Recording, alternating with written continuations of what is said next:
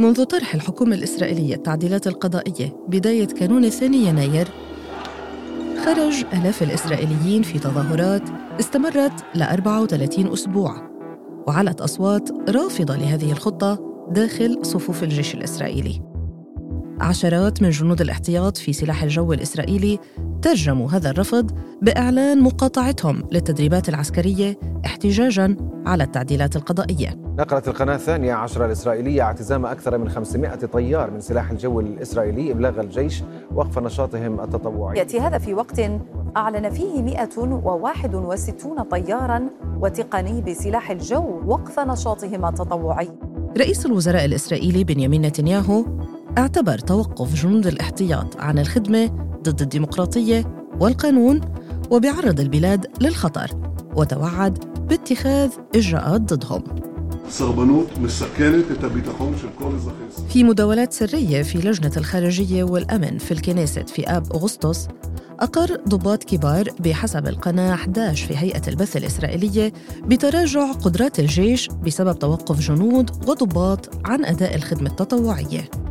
حذر الجيش الإسرائيلي من أن الكفاءة في صفوفه تتآكل. قال وزير الدفاع الإسرائيلي يوآف جالانت إن الجبهة الداخلية ستواجه تحديات لم تعهدها إسرائيل من قبل. حتى وقع هجوم حماس مطلع شهر أكتوبر تشرين الأول. نفذت حركة حماس أكبر هجوم على إسرائيل منذ منذ تقريبا السادسة والنصف بالتوقيت المحلي صباحا بدأت هذه العملية. الجيش الإسرائيلي قال أن التسلل جاء على عدة أشكال.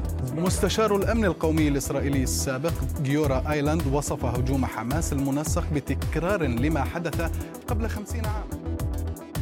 بعد يوم واحد فقط من الهجوم نشرت صحيفة هآرتس تحليلاً يحمل خطة التعديلات القضائية لنتنياهو ووزير العدل يريف ليفين مسؤولية تآكل قوة الردع الإسرائيلية.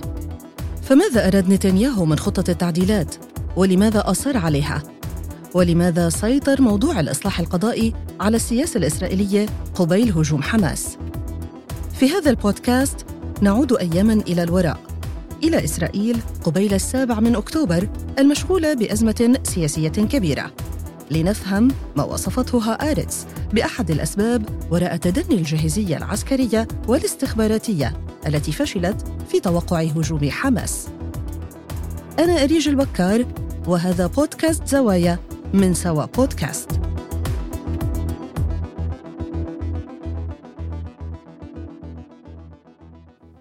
الأربعاء الحادي عشر من أكتوبر الجاري حكومة جديدة في إسرائيل. هذه المرة حكومة طوارئ تحت وقع الحرب. يقودها نتنياهو لكن فيها أيضا بني جانتس من المعارضة. ومن شروط تشكيلها تجميد النقاش فعليا في خطة التعديلات القضائية. مشهد يستدعي مشهدا نقيضا حدث قبل سنة تقريبا. مساء الحادي والعشرين من كانون الأول ديسمبر 2022 أعلن رئيس الوزراء الإسرائيلي المكلف بنيامين نتنياهو نجاحه في تشكيل حكومة جديدة مع حلفائه في معسكر اليمين وذلك قبل دقائق فقط من انتهاء التفويض الممنوح له. רציתי להודיע לך שבזכות התמיכה הציבורית האדירה שזכינו לה בבחירות, עלה בידי להקים ממשלה שתדאג לכל אזרחי ישראל, التعديلات القضائية شكلت محورا أساسيا لحملة نتنياهو الانتخابية وآلية أساسية لاستقطاب أصوات الإسرائيليين وحشدها وبعد أسبوعين فقط من تشكيل الحكومة أي في الرابع من كانون الثاني يناير طرح وزير العدل يريف ليفين خطة التعديلات. الخطة ضمت ثماني تعديلات قضائية أبرزها قانون المعقولية الذي يحد من صلاحيات المحكمة العليا ويمنعها من التدخل أو إلغاء القرارات الصادرة عن الحكومة كما يمنح رئيس الوزراء صلاحية مطلقة في تعيين الوزراء. هذا الخبير في القانون الإسرائيلي والدولي المحامي محمد دحلة. النظام الديمقراطي مبني على ثلاث سلطات يوجد بينها علاقات آه، واضحة علاقات من ناحية فصل سلطات ومن ناحية أخرى آه، مراقبة ومن قبل كل سلطة للسلطة الأخرى وهنالك توازنات ما بين هذه السلطات. هناك أيضا البند المعروف بفقرة التغلب والمتعلق بالرقابة القضائية على سريان القانون وهو يشترط على المحكمة العليا لإلغاء أي قانون أن تنعقد بكامل أعضائها وتتخذ القرار بأغلبية أربعة من أصل خمسة أعضاء. ويمنح هذا البند الكنيسة الحق باستثناء قوانين من الرقابة القضائية. وهناك البند المتعلق بلجنة تعيين القضاة التي تضم تسع أعضاء من قضاة ونواب ومحامين من نقابة المحامين بإشراف وزير العدل. ائتلاف الحاكم أو الحكومة تريد تغيير هذه التركيبة المعمول بها في إسرائيل منذ عام 1953 بحيث يصبح هنالك أغلبية للائتلاف الحاكم في هذه اللجنة مما يمكن عمليا الحكومة والائتلاف الحاكم من تعيين القضاء في كافة المحاكم الإسرائيلية. هذا البند في خطة التعديلات يقترح إخراج المحامين من هذه اللجنة واعتماد الطريقة الأمريكية في تعيين قضاة المحكمة العليا حيث يختار الكونغرس كبار القضاة ويوافق عليهم. نتنياهو بما إني كنت جنبه سنوات وكنت سره أكثر من أي وزير ثاني. وزير الاتصالات الإسرائيلية السابق والعضو السابق في حزب الليكود الحاكم المحامي أيوب قرة قوانين عم تنسن كل محامي ما حدا انتخبه حطوه في محكمة العدل العليا عم برجع هاي القوانين قول لهم هاي القوانين مش مزبوطة طب مين و... مين انتخبك؟ مين حطك هناك؟ أنا محامي كمان. لا أنا هسه بحطوني في المحكمة العدل العليا بصير أعلى من من رئيس الحكومة. يعني كيف تمشي هاي لكن بالنسبة للمعارضة يلغي هذا البند استقلالية الجهاز القضائي ويمنح الائتلاف الحكومي سلطة مطلقة وهذا بحسب الناشط الاجتماعي المعارض للتعديلات القضائية يؤاب شتيرن الحكومة تريد أن تلغي إمكانية انتقاد السلطة التنفيذية والسلطة التشريعية تريد أن تستولي على كيفية تعيين القضاة وإلى آخره. توقيت طرح التعديلات القضائية كان أيضا سببا مهما في رفض المعارضة لها.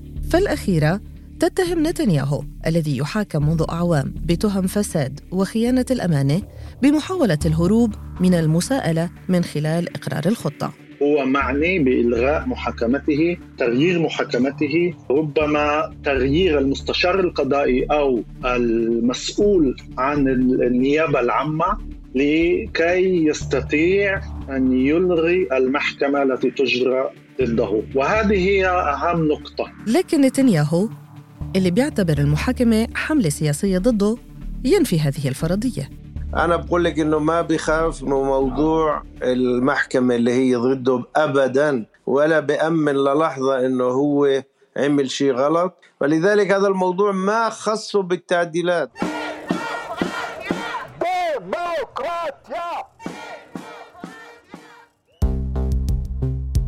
تسببت خطة التعديلات في واحدة من أكبر حركات التظاهر الاحتجاجية في إسرائيل.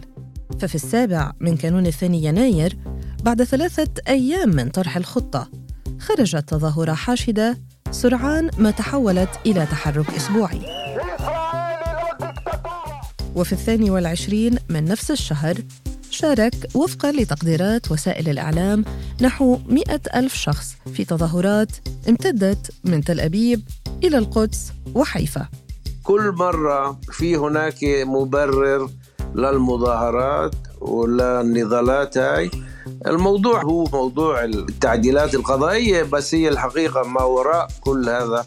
بأغلبية ساقوا موضوع أنه على هذا الموضوع ممكن نقلب الحكم. على هذا الموضوع يمكن يروح نتنياهو على البيت. هذا الموقف الحقيقي. على الرغم من الاحتجاجات الشعبية ومحاولة الرئيس إسحاق هيرتزوغ التوسط في الحوار وافق الكنيست في 14 آذار مارس في قراءة أولى على بند الاستثناء اللي بحد من قدرة المحكمة العليا على إلغاء القوانين التي تعتبرها غير دستورية ويسمح للبرلمان بحماية أي قانون من الإلغاء بتصويت غالبية بسيطة. هذه الصلاحية مهم جدا أن تبقى للمحكمة العليا هي نقطة التوازن الوحيدة تقريبا التي موجودة كتوازن لقوة البرلمان والسلطة التنفيذية الحكومة وزير الدفاع الإسرائيلي يوآف جالنت اعتبر بند الاستثناء تهديد واضح وداهم وملموس لأمن إسرائيل وهو موقف معارض لموقف نتنياهو الذي عاقبه بإقالته من منصبه. قالت هيئة البث الإسرائيلية إن رئيس الوزراء بنيامين نتنياهو أقال وزير الدفاع يواف جالنت من منصبه. جاءت إقالة جالنت النائب عن حزب الليكود أيضا بعد تعليق الإصلاحات القضائية. واتهم نتنياهو جالنت بتقويض الجهود الرامية إلى التوصل إلى حل وعدم التنسيق قبل الإدلاء بتصريحاته.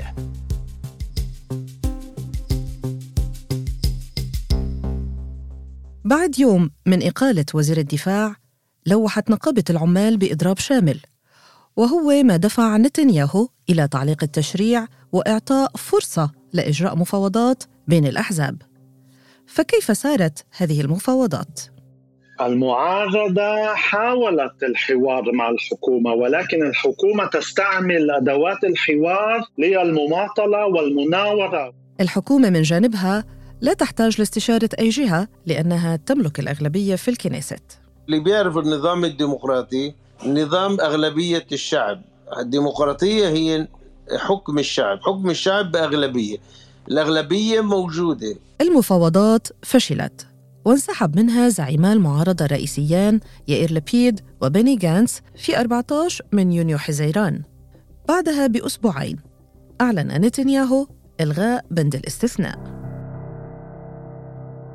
في يوليو تموز أقر البرلمان الإسرائيلي بند المعقولية بالقراءات الثلاث وأصبح قانوناً نافذاً. في الخامس والعشرين من آب أغسطس رفضت المحكمة العليا الهولندية طلباً قدمه مواطن فلسطيني هولندي لمحاكمة وزير الدفاع الإسرائيلي السابق بيني جانس وعضو حكومة الطوارئ الحالية بسبب مقتل ستة من أفراد عائلته في غارة على غزة في 2014 جانس أرجع الفضل في إسقاط المحاكمة للنظام القضائي القوي والمستقل في إسرائيل اللي قال إنه يحمي القادة والضباط الإسرائيليين حتى أمام المحاكم الدولية. التعديلات هي لا تؤثر ولا تقدم ولا تؤخر في الموضوع الفلسطيني. هذا الموضوع هو موضوع داخلي موضوع صراع على النفوذ في داخل دولة إسرائيل. الموضوع مش موضوع سياسي خارجي أبدا. الفلسطينيون في الضفة الغربية وقطاع غزة يخضعون للقانون العسكري اللي بتطبقه المحاكم العسكرية الإسرائيلية. وتملك المحكمة العليا صلاحيات الرقابة القضائية على هذه الأحكام. هذا الخبير في القانون الإسرائيلي والدولي المحامي محمد دحلة. حتى اليوم سمح للفلسطينيين بتقديم التماسات إلى المحكمة العليا الإسرائيلية إذا اعتقد المواطن الفلسطيني بأنه ظلم أو بأن حقوقه هضمت أو بأن القرار المتخذ بحقه غير قانوني أو منافي لمبادئ أساسية أو لحقوق الإنسان أو لقوانين أساسية إسرائيلية. وتبت المحكمة العليا أيضاً في عدد من القضايا المتعلقة بالصراع الإسرائيلي الفلسطيني مثل المستوطنات الإسرائيلية في الضفة الغربية.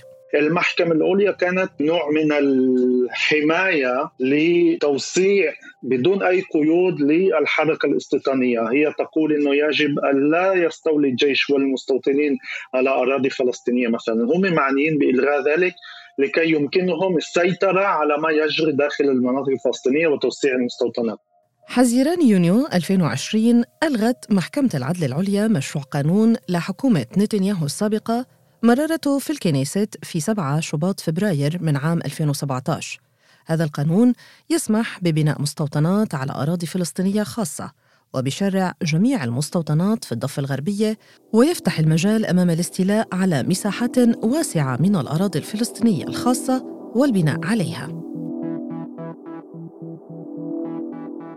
التعديلات القضائية أظهرت انقسامات حادة داخل المجتمع الإسرائيلي، لكن هجوم حماس دفع إلى تشكيل حكومة طوارئ تضم رئيس الوزراء الإسرائيلي بنيامين نتنياهو ومعارضه البارز بني جانس اللي كان اتهم نتنياهو ببيع إسرائيل للمتطرفين بطرحه خطة التعديلات. ويبقى السؤال كيف ستؤثر المواجهة مع حماس على مستقبل خطة التعديلات القضائية ومستقبل نتنياهو السياسي؟ كان هذا بودكاست زوايا من سوا بودكاست. إعداد وكتابة يسرى أمين وأريج البكار. رئيس التحرير زوايا مينيرفا داغر هندسة صوتية ميراس عريان إشراف سوا بودكاست محمد فاروق عبد الرحمن. وأنا أريج البكار. إذا أعجبكم ما نقدمه الرجاء الاشتراك وتقييم الحلقات على منصات الاستماع للبودكاست وأرسلوا لنا تعليقاتكم واقتراحاتكم على منصات التواصل الاجتماعي. نلتقي في موضوع جديد في بودكاست زوايا هذا الأسبوع.